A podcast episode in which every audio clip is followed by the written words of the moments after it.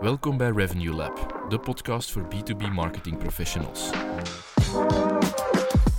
Ik ben Matteo, revenue marketeer bij Webstack. En samen met mijn collega Nico, digitaal strateeg, brengen we elke week concrete strategieën, adviezen en frameworks om je B2B marketing aanpak te transformeren. Op basis van inzichten uit meer dan 100 cases bouwen we jouw revenue succesformule. Welkom in ons labo. Oké Nico, leuk dat we hier vandaag weer zijn voor een nieuwe aflevering van uh, Revenue Lab. Ik ben blij dat je hier op kantoor geraakt bent. Het uh, was lang aanschuiven van het Virwisplan, maar ik ben er geraakt. Dat is, goed, dat is goed. Dan kunnen we er uh, ja. vandaag nog invliegen voor een, voor een aflevering. Top. Want ik heb een hele interessante vraag toch wel meegekregen mm -hmm. van Pieter, zaakvoerder uit het Gentse.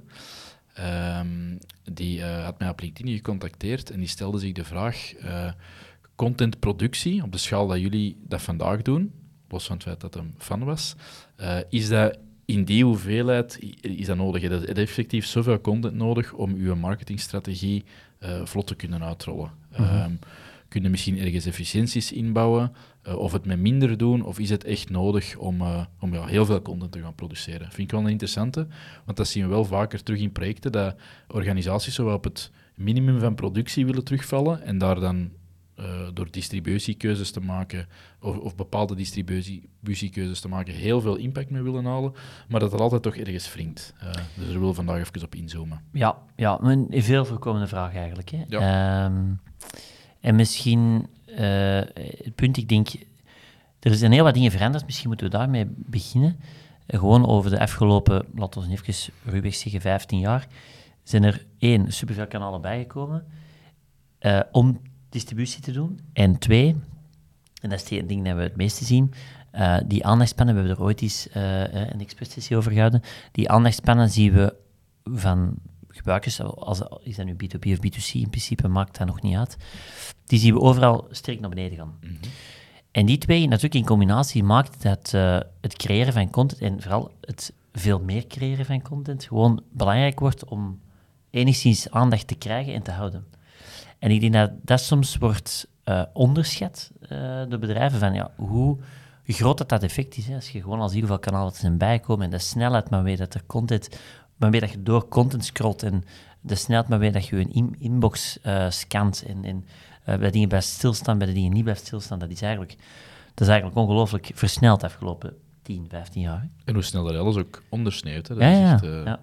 De mail van twee dagen geleden is bij wijze van spreken volledig weg. Hè? Ja, inderdaad. Ja. Dus als je, als je ergens een momentum mist mm. en, en, en je hebt maar een heel kleine productie of productie die, die op een laag pitje staat, en je moet tot de volgende maand wachten, omdat je dan een nieuw contentstuk bijvoorbeeld zou gaan maken, om mogelijk kans te maken of om terug een window te hebben, ja, dan ben je wel het heel, het heel dun aan het spreiden. In die frame van één of twee dagen, hè, waar je dan misschien die aandacht krijgt als het juiste moment er is en als er niet te veel ja. aandachtsprikkels zijn op dat moment. En dat is, en dat is gewoon gigantisch, gigantisch veranderd. Uh, en we merken dat ook wel, dat dat... En, en dan, dan, komt het tot het punt natuurlijk, wat zien we dan? Dat zijn vaak bedrijven die zeggen, we hebben bijvoorbeeld die whitepaper, uh, één keer per kwartaal maken we een nieuwe whitepaper, en daar gaan we dan een heel kwartaal lang uh, proberen de aandacht te houden en te trekken bij onze doelgroep. Maar natuurlijk, um, die aandachtspannen gaat zo naar beneden, en je ziet eigenlijk die advertentiemoeheid, wat wij soms noemen, zo snel toenemen en sneller dan vroeger, vind ik. Veel sneller dan vroeger. En dat zijn natuurlijk um, ja, punten waar we rekening mee moeten houden. En dan is natuurlijk het idee dat je veel content creëert om gewoonweg continu op die radar te zijn, essentieel om überhaupt relevant te zijn in distributie, hè, of in, in, in, in paid campagnes bijvoorbeeld. Ja, ik denk sowieso een beetje inhakend op aandachtspunten en die snelheid waarmee mm. dat momentum soms kan passeren. Ik denk een advertentie die dat onafgebroken in dezelfde versie of in dezelfde vorm blijft, uh, blijft draaien, dat die, dat is een tijd twee weken geweest. Ik heb er naar tien dagen zien gaan, maar tegenwoordig zie je in hoge frequentiecampagnes, en dat moet ik er dan bij zeggen, dat je na een vijf à acht dagen dat mensen het wel gezien hebben en dat de return dan naar beneden gaat. Dus de nood is wel heel hoog van ja, te kunnen blijven vernieuwen. Dan gaat het puur om advertenties, maar dat kan ook bijvoorbeeld voor um, uh, social, de inhoud van je e-mailcommunicatie, dat, dat, is daar ook relevant voor, of dat heeft er ook betrekking op. Um, het is heel snel allee, dat mensen wel effectief iets hebben van we hebben het gezien en wat is het volgende, uh, want hier gaan onze aandacht niet, niet meer bij blijven hangen. Um, mm. Dus de, ja, de nood om meer te gaan produceren is er wel. En er is misschien ook de, de, de, de nood aan de mindset switch. Want wat je er in het begin zei, er komen heel veel nieuwe kanalen bij en er is heel veel om je aandacht naartoe te verdelen. Ehm, maar zuiver vanuit het kanaal denken, dat is ergens interessant als je weet waar, dat u, waar dat uw eh, doelgroep zit, waar dat uw publiek zit. Uh, maar ik denk dat er iets te veel wordt gedacht van er is een nieuw kanaal, dat kan mogelijk interessant zijn, dus we moeten dat gaan testen. En dat ze dan met um, halfslachtige initiatieven of assets of content maar aanwezig gaan zijn om aanwezig te zijn, zonder eerst even uit te zoomen en te gaan bedenken ja, welke content moeten we hier nu gaan brengen op dat kanaal. Of mhm. dat is iets recycleren. En dat kan allemaal wel. er valt wel ergens door te zien of iets voor te zeggen. Ehm, maar natuurlijk iets dat één op één gemaakt is voor een kanaal of gerepurposed is voor een kanaal, dat gaat veel meer uh, impact maken dan iets dat je even uit de schuif trekt omdat dat er twee jaar geleden uh, is in verzeild geraakt of omdat dat er gewoon nog ligt. Um, dus echt meer nadenken over wat dat je gaat zeggen voordat je volle gas op een kanaal gaat geven. Uh, een kanaal gaat het niet maken, het is wat dat je er gaat brengen en hoe dat je merkverhaal uh, ja, er gaat en, vertellen. En ik denk zelfs dat dat, dat, dat een van de grootste... Uh, bedrijven komen vaak naar ons met de vraag van wij willen uh, dat jullie eens meekijken naar onze performance campagnes bijvoorbeeld. Um, maar dat is niet de eerste vraag eigenlijk. De eerste vraag is, wat is de contentstrategie? Allee, dat is niet de eerste, eerste vraag, maar voordat je over die kanalen kunt praten, denk je dat je wel eerst moet nadenken van wat is onze centrale contentstrategie? Uh, en wat hebben we allemaal van content ter beschikking? Om ervoor te zorgen dat, gewoon dat je die campagnes genoeg en op een hoog niveau kunt blijven voeden.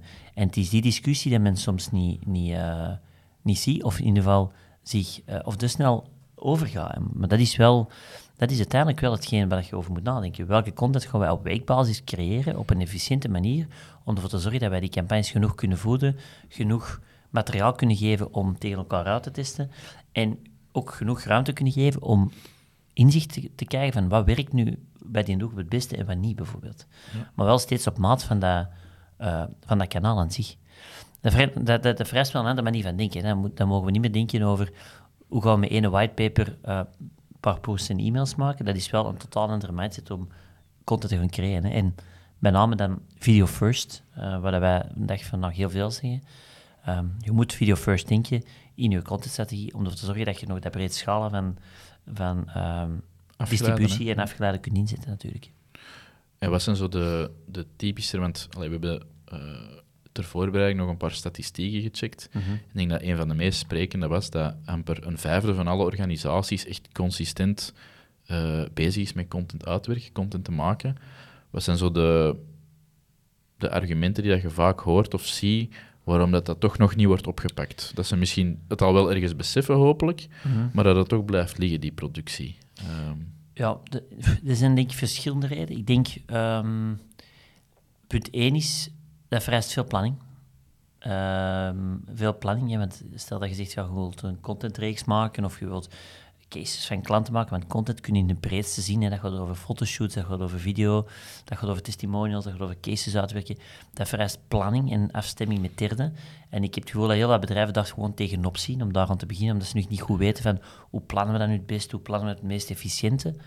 Um, dat is wel één die ik veel zie terugkomen. Als ze daar inderdaad nog geen muscle memory in hebben, ze zijn dat niet gewoon en dat schrikt een klein beetje af om al die tijd te gaan. Uh, voilà, en, en, en, het gevoel van dat is een project aan zich, hè. bijvoorbeeld die ene captatie. En ik ga hier op mijn manier uh, drie maanden mee bezig zijn om dat helemaal af te werken. Uh, maar je kunt dat volgens mij wel veel efficiënter doen. Maar ik denk dat dat wel de, de vrees over hoeveel tijd dat, dat gaat innemen en vaak ook budget. hoor ik ook vaak van ja, maar dat is toch wel hè, niet uh, dat heeft toch wel een impact op budget. En dat is ook zo. Maar er wordt dan niet stilgestaan bij de efficiëntie die je nadien hebt. Hè. Als je slim je content creëert, vanuit Video First bijvoorbeeld, de mate van afgeleide dat je daarna heel eenvoudig kunt destilleren.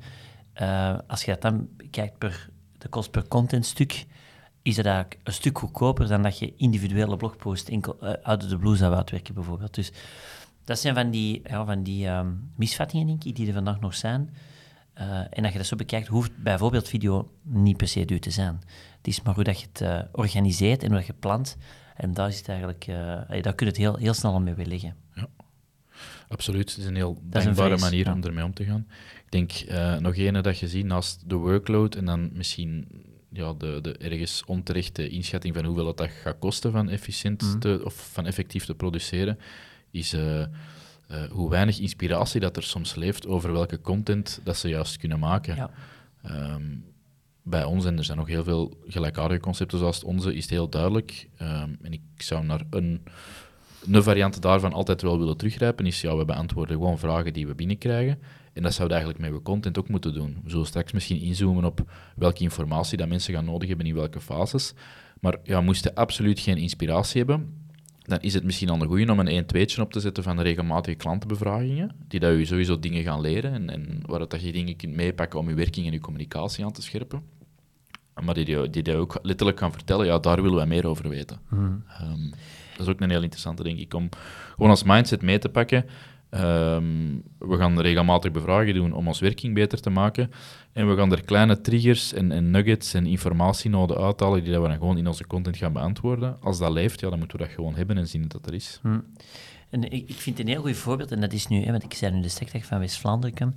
Uh, ik kwam uh, net van een, een uh, industrieel in West-Vlaanderen en die marketingdame, die gaf een sprekend voorbeeld, wat ik, ik wil terugdenken naar dat inspiratiestuk.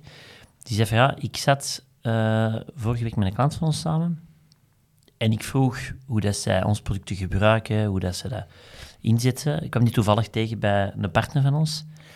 En, die, en, zij zei van, ja, die gaf mij antwoorden die ik totaal niet had ingeschat. En vragen dat hij rond ons product had, dat hem weerhoudt vandaag om met ons product te starten, omdat, dat, omdat hij het gevoel had dat dat voor hem te complex was, te moeilijk in gebruik, in zijn situatie niet relevant zou zijn. Maar dat is helemaal niet zo, maar dat was een misvatting. En wat dat zij dan zei, is van ja, dat is voor mij een perfecte uh, content topic wat ik nu kan gaan ontwerken, om ervoor te zorgen dat de mensen die nog met die vragen zitten, dat, dat ik dat uit de wereld kan helpen, dat idee. Dus dat is vaak omdat je te weinig, en dat is denk ik wel het meeste zien, dat je te weinig met je marketingteams, te weinig met hun klanten in aanraking komen, face-to-face, om een goed beeld te krijgen van wat, wat, zoeken die nu eigenlijk allemaal en met welke ideeën zitten die in hun hoofd en met welke misvattingen. En dat je dat zou weten, dat je dat periodiek zou doen, dat geeft een zee van uh, van opties om, om continu content te creëren, waar je dan nog eens je eindkant mee aan het helpen bent en ze een stap vooruit brengt in hun beslissingsproces. Dus ik denk dat dat vaak... Een win-win op twee vlakken. Een win-win is op twee vlakken. En gewoon de stapjes die heel veel marketingteams nog moeten nemen, of terug moeten nemen. Ja. ja. 100%. Maar uh, dat, dat is, daar is al niemand over getwijfeld. Inderdaad, dat we daar ja. heel grote fan van zijn. En dat, dat helpt ook gewoon. Dus, uh, ja, het is een drempel om geen content te creëren. Ja als je het niet doet, is het echt een drempel om geen te creëren. Dus, uh... Wat ik ook nog soms zie, is dat organisaties um, denken na twee jaar SEO-bloggen, tussen aanhalingstekens, we zijn uitverteld. Alle grote keywords zijn afgedekt. De dingen waarvoor dat we volume vinden, daar hebben we blogartikels of pagina's rondgemaakt. Als we nu nog eens een SEO-ronde gaan doen, dan gaan we zo in de marge beginnen optimaliseren. Dus dan kunnen we er misschien beter niet aan beginnen. Dus dat ze vaak zo na de eerste of tweede jaar stilvallen, mhm. omdat ze het vanuit een andere invalshoek uh, hebben aangepakt. Dat is echt gewoon voor SEO en om te scoren in, in de zoekmachines. En dat is belangrijk. Daar is een plaats voor binnen, binnen een marketingaanpak. Maar dat mag je natuurlijk niet sturen, dat, omdat er geen meetbaar volume meer is. En die meetbare volumes in keyword pandas en in keyword tools, dat wordt altijd minder. Dat je op basis daarvan zegt, ja, nu gaan we geen content meer maken, want er leeft niks niet meer. Allee, ja, er blijven dingen leven. Niet alles wordt gemeten. Het wordt allemaal ook vaag en geaggregeerd en samengenomen of op een hoop gegooid. Dus je kunt niet meer, zoals in de gouden tijden uh, van vroeger, echt letterlijk de, de, de longtail zoekterm van, uh, van een handvol individuen uh, gaan detecteren met een keyword tool om er dan een artikel rond uit te werken. Haakt een klein beetje in op het vorige punt. Je gaat dat echt moeten achterhalen door gesprekken te doen en, en, en marktonderzoek te doen en echt naar die customer insights te graven. Mhm. um, maar als je echt altijd hebt gedacht van ja, we, of vanuit een optiek hebt um, content gemaakt dat je het voor SEO doet. Voor zoekmachines en, en, voor de zoekmachines, niet voor een dan, kun, dan, dan, kan er zo wel inslapen van ja, we zijn uitverteld, dus we kunnen beter niks meer maken of nog een beetje optimaliseren wat dat er wel is. Maar hmm. dat is ook altijd jammer en dat zie, dat zie je wel vaak. Uh, dat is een, een hele generatie, denk ik, dat met de keywordplannen zo is opgegroeid en zijn marketing heeft gedaan. En die zitten nu zo wat te zoeken van ja, wat gaan we nu doen? Um, ja, ja. En wetende dat het kan zijn dat je zegt van oké, we hebben 40 topics uitgewerkt waar dat echt wel alle vragen beantwoord. Um, dat wil niet zeggen dat je die bestaande uh, topics ook niet verder moet updaten en bijsturen, want de markt verandert, de wereld verandert, ook je producten veranderen. Dus ik denk dat dat is wat men soms ook uh, vergeet, is men werkt het dan ene keer uit, maar men gaat dat niet up-to-date up houden of men gaat dat niet actualiseren, waardoor dat, dat achter al die informatie is en op den duur eigenlijk niet meer, niet meer relevant is. Gewoonweg. Dus dat is ook wel voor mij een heel belangrijke in het verhaal. Ja. Ehm, misschien ook wel nog een topic, uh, even denken, dat we, um, waar we soms nog zien terugkomen. Uh, ik vind, want ik denk dat we dat onderschatten. Ik denk, we hebben onlangs een cijfer uh, meegepakt, of ge, teruggevonden, als we zo eens een paar cases oplijsten. Dat, want budget is ook een punt, hè. we hebben het er al even kort over gehad, maar als je kijkt 40 procent, ik denk dat dat cijfer is dat we hebben opgevist. 30, 40 uh, ja, het is afhankelijk van, van, van het bedrijf en de case, maar als we alles uh, iets bij elkaar nemen, tussen de 30 en 40 procent van marketingbudgetten worden vandaag in content geïnvesteerd. dus als je zelf eens de oefening maakt van ons uh, totaal marketingbudget, spenderen wij vandaag 30 tot 40 procent in contentcreatie. De meeste gevallen, de meeste cases zal dat nog niet zijn omdat klanten soms zeggen, ja, maar hoeveel van mijn budget, want ik, ik heb het gevoel dat ik al heel veel budget in content steek. En daarom ga ik zeker niet meer uh, doen. Maar als je dan kijkt, wat is nu veel budget? Dan gaat dat soms over 2, 3 procent van je marketingbudget. Uh, in eenmalige paar artikels die ze hebben uitgewerkt. Ja, ja om, een, om het een kader te geven, dat is, dat is een dag van vandaag niet in benchmark of in lijn met eigenlijk wat, wat de meeste B2B-bedrijven of zeker B2C, B2C is er nog meer, denk ik. Maar de meeste B2B-bedrijven investeren in contentcreatie. Wil dat zeggen dat je dan, maar dat is dan ook vaak de discussie, wil dat dan zeggen dat ons marketingbudget exponentieel gegroeid is in de afgelopen jaren? Of zou moeten gegroeid zijn de afgelopen jaren om nog mee te kunnen? Ik denk een deeltje wel. Ik denk dat, je, dat er nog meer belang moet gehecht worden. Maar ik denk dat het ook vooral een verschuiving is geweest. Dus dat, maar dat zie je natuurlijk niet, die kosten. Wat dat tien jaar geleden... Uh, beperkt informatie online beschikbaar was, of pak 15 jaar geleden beperktere informatie online beschikbaar was, en dat men de basis had, en dan als er meer nood of vraag was, dan ging men naar een winkel, of ging men, of belde men in, of had men een salesafspraak, en was dat tijd en effort van dat salesteam om alles punt per punt uit te leggen. Ik denk dat het nu gewoon deels budget is, dat, van die calls van vroeger en die meetings van vroeger, dat dat wat verschoven is naar digitaal en dat mensen daar die eerste informatie vinden. En dat dan de, het veel efficiënter is geworden voor het sales team. Dus dat eigenlijk het budget deels verschoven is van heel veel pre-sales uh, tien jaar geleden tot iets minder pre-sales en de basis is eigenlijk alleen maar afgedekt via digitaal of via het marketingvlak. Wat dat eigenlijk efficiëntie heeft gecreëerd. Hè. Uh, dus ik denk dat het eigenlijk eerder een, een, een besparende factor is geweest dan, uh, dan een echte kost eigenlijk voor een, een extra, een exponentiële grotere kost voor een bedrijf. Maar er is toch nog altijd wel wat weerstand op, denk ik. Hè? ja, ja, er heel veel mee zijn inderdaad. 100%, 100%. Op, uh, op het, het, ja, echt het buyer enablement uh, gegeven. Dus echt gaan informeren en zien dat een heel groot stuk van het informatieproces of de zoektocht autonoom kan, kan verlopen. Um, dat daar toch nogal hey, mensen er een beetje weigerachtig tegenover staan, omdat ze, ja, ze willen natuurlijk de bepaalde jobs uh, niet, niet afpakken mm of bepaalde taken die, de, die dat bij uh, jobs horen. Um, en ze hebben misschien ook ergens schrik, en dat zie je dan in sommige gevallen, uh, om, um, ja, om daar te veel uit handen te geven en te veel prijs te geven. En ja. misschien achteraf in de salesgesprekken niet meer super flexibel te zijn. Dus zich niet 100% willen committen op een uitspraak of op content of op een manier uh, om naar iets te kijken, zodat, je, zodat ze daar achteraf nog alle richtingen uit kunnen. Um. Ja, en zeker vind ik dat dat, dat dat nog eens in strijd is, omdat we toch bij heel veel bedrijven horen dat ze customer-centric zijn. Hè, dus de klant staat bij ons centraal.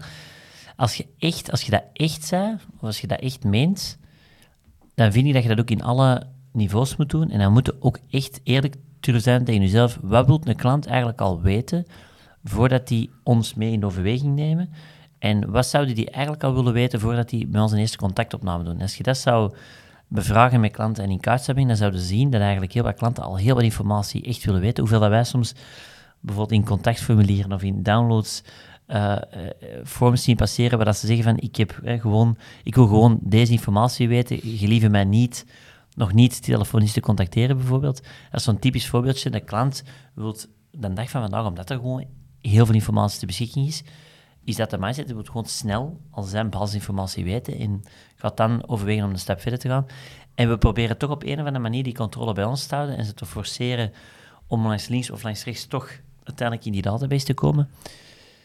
Maar ja, als dat niet de manier is dat ze het willen doen, dan, dan moeten we eerlijk zijn, denk ik. Dan als je dan ziet dat andere concurrenten het, het niet doen, dan gaan ze informatie wel daar al. Dus ik denk, ja. allee, de, de, de, echt kritische uh, consument of koper gaat er zo wel kwijt zijn als je die probeert in een keurslijf te dwingen, puur om data te vangen. Ik ik weet, een e-mailadres afvangen of, of, of uh, gegevens capteren, dat is ergens in de funnel belangrijk op een gegeven moment, maar ja, zo heel vroeg in dat oriënterend stadium is dat, is dat niet per se altijd de juiste oplossing. Soms kan dat zelfs uh, ja, nefast zijn voor wat dat je probeert te, te, te bereiken. Hmm. Dus daar een evenwicht zoeken en dat, ik vond dat je het heel goed bracht, dat, dat gegeven ja, alle controle moet bij ons zitten, ja, dat gaat wel niet meer pakken, want er gaan meer en meer autonomie en controle aan de andere kant komen. En jij moet u als een... Uh, een uh... En dat van merken. Hè? Dus allee, ik denk, als we echt mee willen zijn, moeten we dat ook, moeten we dat ook omarmen. Denk, Zo moet je ook opstellen, inderdaad. Voilà. Merken dat dat niet doen, die gaan uit een boot vallen, denk ik. Ja. Ik denk de bedrijven die winnen zijn degenen die echt extreem met hun klanten bezig zijn. En als dat de verwachting is, ja, dan moeten we mee dat is hetgeen wat wij ook altijd zeggen, je moet niet alles delen. Hè. Ik bedoel, eh, een klant wil ook niet alles per se vanaf het begin weten, maar hetgeen wat een klant wil weten, denk ik dat wij moeten kunnen aanbieden. Gaan die ons kwalitatief kunnen verder helpen? Ze kennen mijn details niet, dus ik kan niet verwachten dat ze in detail mijn case mhm. gaan oplossen. Maar ik wil wel voeding hebben. Voilà. Ik wil dat wel weten met wie dat ik ga werken, wat dat die kunnen, hoe dat die, hoe dat die erin staan. Um, kunnen ze mij al met bepaalde elementen van mijn vraag op weg helpen? Dat zijn de dingen die, de, ah ja, die dat je moet aanbieden met je content. En dan denk je dat wij vaak zeggen dat je zo in drie lagen moet denken. En misschien is dat wel het juiste moment dat jij dat net zei, uh, om dat even aan te, aan te reiken.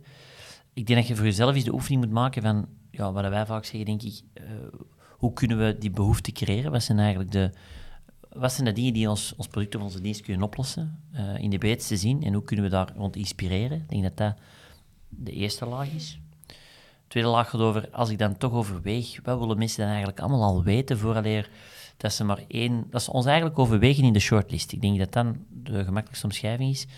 Eén, weten we dat als marketing of sales team? Want vaak is dat niet geweten, maar dat ze echt eigenlijk willen weten. Dus dat is al een goede oefening, denk ik, om dat is echt, gewoon te vragen. Dat is eigenlijk de makkelijkste methode. Uh, en dan kritisch bekijken, hebben we dat? Is dat vandaag bij ons digitaal uh, of offline uh, ter beschikking of niet? Dan is dat al een grote gap dat je kunt gaan invullen. En dan als je in de shortlist zou zitten, wat zijn dan de, de, de punten die het verschil hebben gemaakt of zouden kunnen maken? Um, dat gaf bijvoorbeeld over soms heel kleine dingen, hè, testimonials, getuigenissen van bedrijven die gelijkaardig zijn, maar daar ook eens een breed beeld van krijgen, ook door het te vragen met klanten. En daar ook eens te kijken naar jezelf, hebben wij dit? Hè? Kunnen wij, hebben wij dit ingevuld, afgevinkt of niet? Um, en in die drie lagen kunnen toch wel heel veel initiatieven steken. En daar moeten we gewoon kritisch over zijn. Hè. Zijn er lagen die wij totaal niet bedienen? Ja, dan moeten we daar een prioriteit van maken om dat echt mee te pakken. Want dat is hoe dan de klant vandaag verwacht. Ja. Ik denk misschien als we die lagen een beetje stofferen, uh, dan die, die eerste laag van het echt... Uh, het, uh, ja, mensen ervan bewust gaan maken dat ze vandaag misschien ergens iets mankeren of iets op een suboptimale manier doen, is in de eerste fase, vind ik het altijd interessant om... Allez, misschien dat uw concrete strategie uh, u in een andere richting stuurt, maar om daar zo wat naar triggers en pijnpunten van de manier van werken vandaag te kijken. Mhm. Dus dingen dat ze tegenaan lopen, dat ze mee worstelen, um, ja, dat niet zo vlot verlopen, of waar dat eventueel, doordat ze het zo aanpakken dat er geld wegvloeit, of tijd wegvloeit, of efficiëntie wegvloeit. Dat is die behoefte, wil jij zeggen? Voilà, ja. dat vind ik een, een interessante om en, en dan moet eens aan de andere kant uh, die oefening maken van oké, met ons product, onze dienst, onze oplossing dat wij aanbieden, um, de, de, mensen die het vandaag niet kopen of een, een, een, een concurrent mogelijk gebruiken, alhoewel dat dat een iets latere fase is, um, wat doen die vandaag, of waar lopen die vandaag tegenaan dat ons product voor hun zou kunnen oplossen? Niet om dan productcentrisch te gaan communiceren, maar om te laten zien, ja, wij herkennen die, uh, die pijnpunten en waarschijnlijk Allee, uh, ben hiertoe gekomen door stappen 1, 2 en 3 te doorlopen. En op het einde van de rit, het einde van de maand, het einde van het kwartaal, miste altijd dit, bijvoorbeeld. Ik, zeg maar een heel high-level voorbeeld.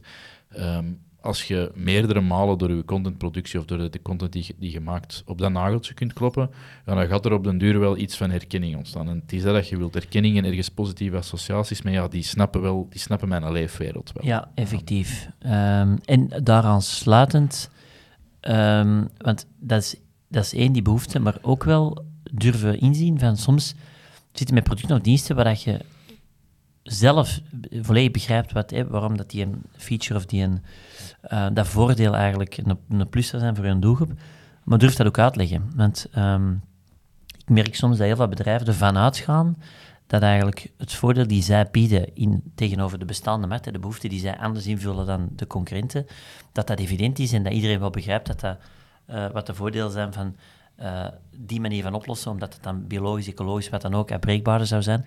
Maar als de markt dan nog niet zo... De meeste mensen begrijpen dat nog niet.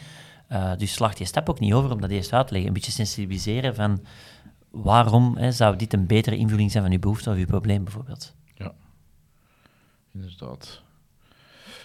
En dan, ja, het is, ook zo'n beetje een trechter. Dus het volume in die eerste fase is het grootste. Daar gaat het mhm. meeste moeten doen. Dus je gaat heel, heel goed moeten weten wat dat er leeft, wat dat die pijnpunten zijn. Dat is ook een interessante uitdaging om gewoon heel hard in die leefwereld te duiken. En ja, dan ga je heel wat content-opportuniteiten blootleggen. Tweede fase is effectief, dan, dan gaat je naar een overweging ik weet, niet, ik weet niet het exacte cijfer, en dat is ook altijd een inschatting, maar er zit op elk moment zo ongeveer 20 à 25 procent van je markt zit zo in die mhm. fase, als je al in een iets met duurdere categorie zit.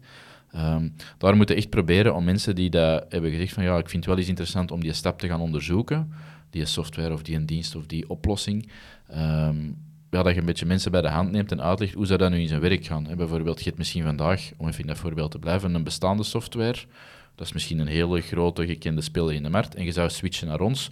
Hoe zou die switcher van A tot Z mogelijk kunnen uitzien?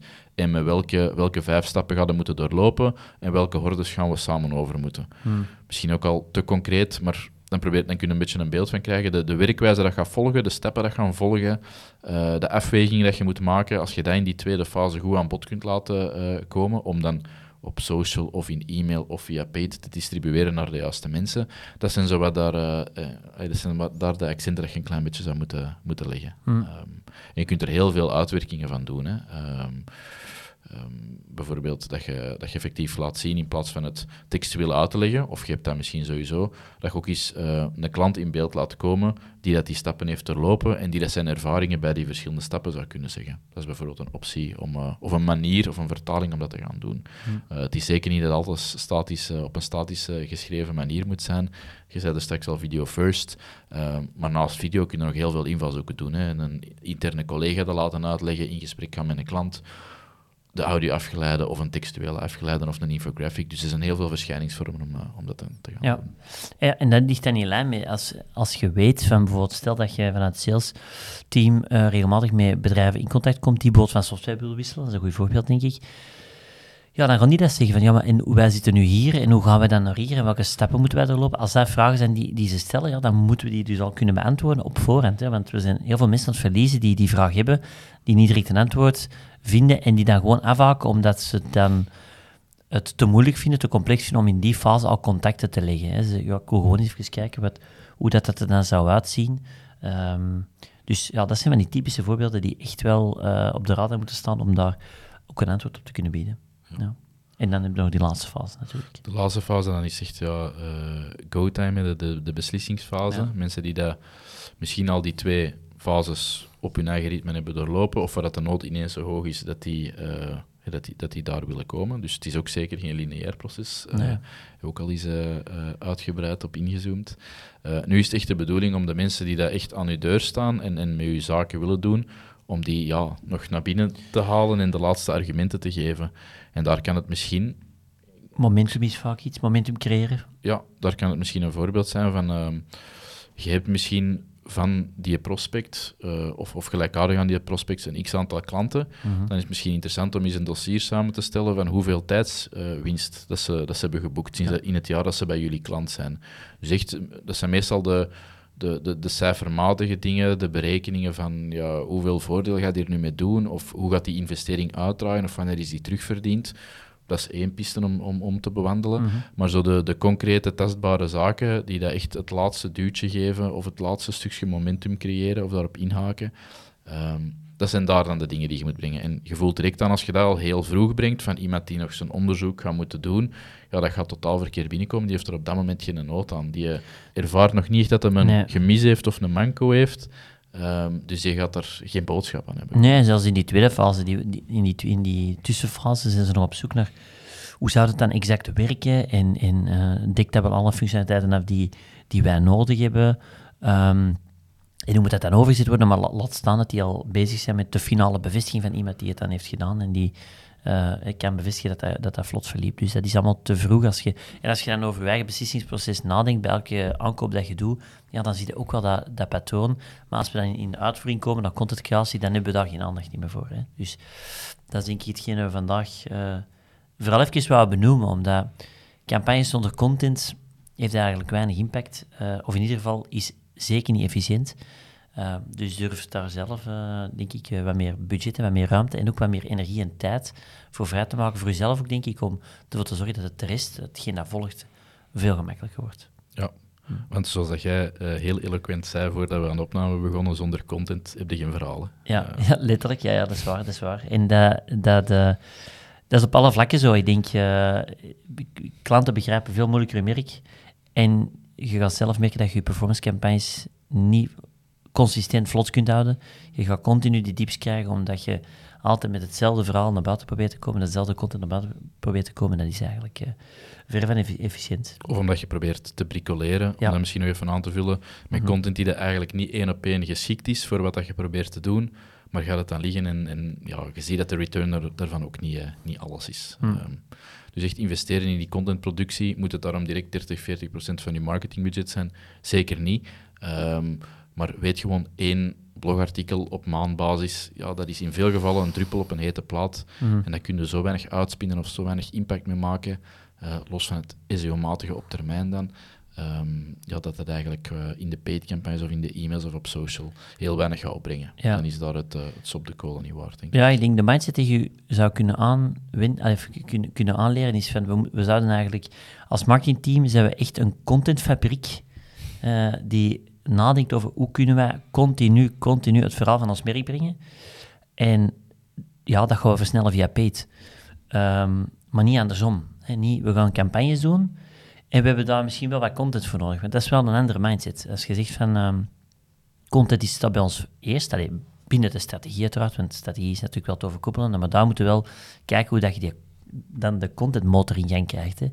En dan kunnen we goed nadenken over, en niet, en, ja, nadenken over Peter, niet andersom. Dus dat is de, de valkuil die wij te vaak zien, uh, zien passeren. Goed, ik, um, we zouden nog uren denk ik over kunnen verder uh, doorgaan. Uh, misschien even. Maar in ieder geval, um, dat wou we vannacht even jullie meegeven. Moesten er mensen zijn die daar nog heel concrete vragen over hebben, van hoe pakt je dat nu aan op een efficiënte manier, want daar zijn we als vandaag nog niet op ingegaan. Um, wij hebben ooit wel eens een aflevering gemaakt over uh, contentstrategie. Dus uh, een van de eerste afleveringen hadden zeker uh, daar wat meer concrete info over vinden. Maar denk vooral, denk ik nu in eerste fase is na, hebben wij oprecht in al die lagen van, van een beslissingsproces voldoende content voorhanden om maar überhaupt te denken over heel performante uh, campagnes. Ik denk dat dat eigenlijk de boodschap is van vandaag. Ja. Uh, maar moesten daar dus concrete vragen over hebben, laat het ons weten via LinkedIn. Uh, kun je ons één op één sturen of stuur uw vraag in via webstack.be slash vraag en dan komen we daar heel graag op terug, ofwel in een volgende aflevering, ofwel één op één persoonlijk als het een, ja, een zeer specifieke vraag zou zijn. Voilà. En anders zien wij iedereen graag terug volgende week in onze volgende Revenue Lab. Tot dan. Merci dat je erbij was voor deze aflevering van Revenue Lab. Vergeet je zeker niet te abonneren om geen enkele aflevering te missen. Heb je een specifieke vraag voor ons? Dan mag je dit altijd inzetten via webstick.be vraag. Wil je exclusief toegang krijgen tot onze frameworks, playbooks en Ivaidoni events? Meld je dan aan via webstick.be lab. Tot volgende week.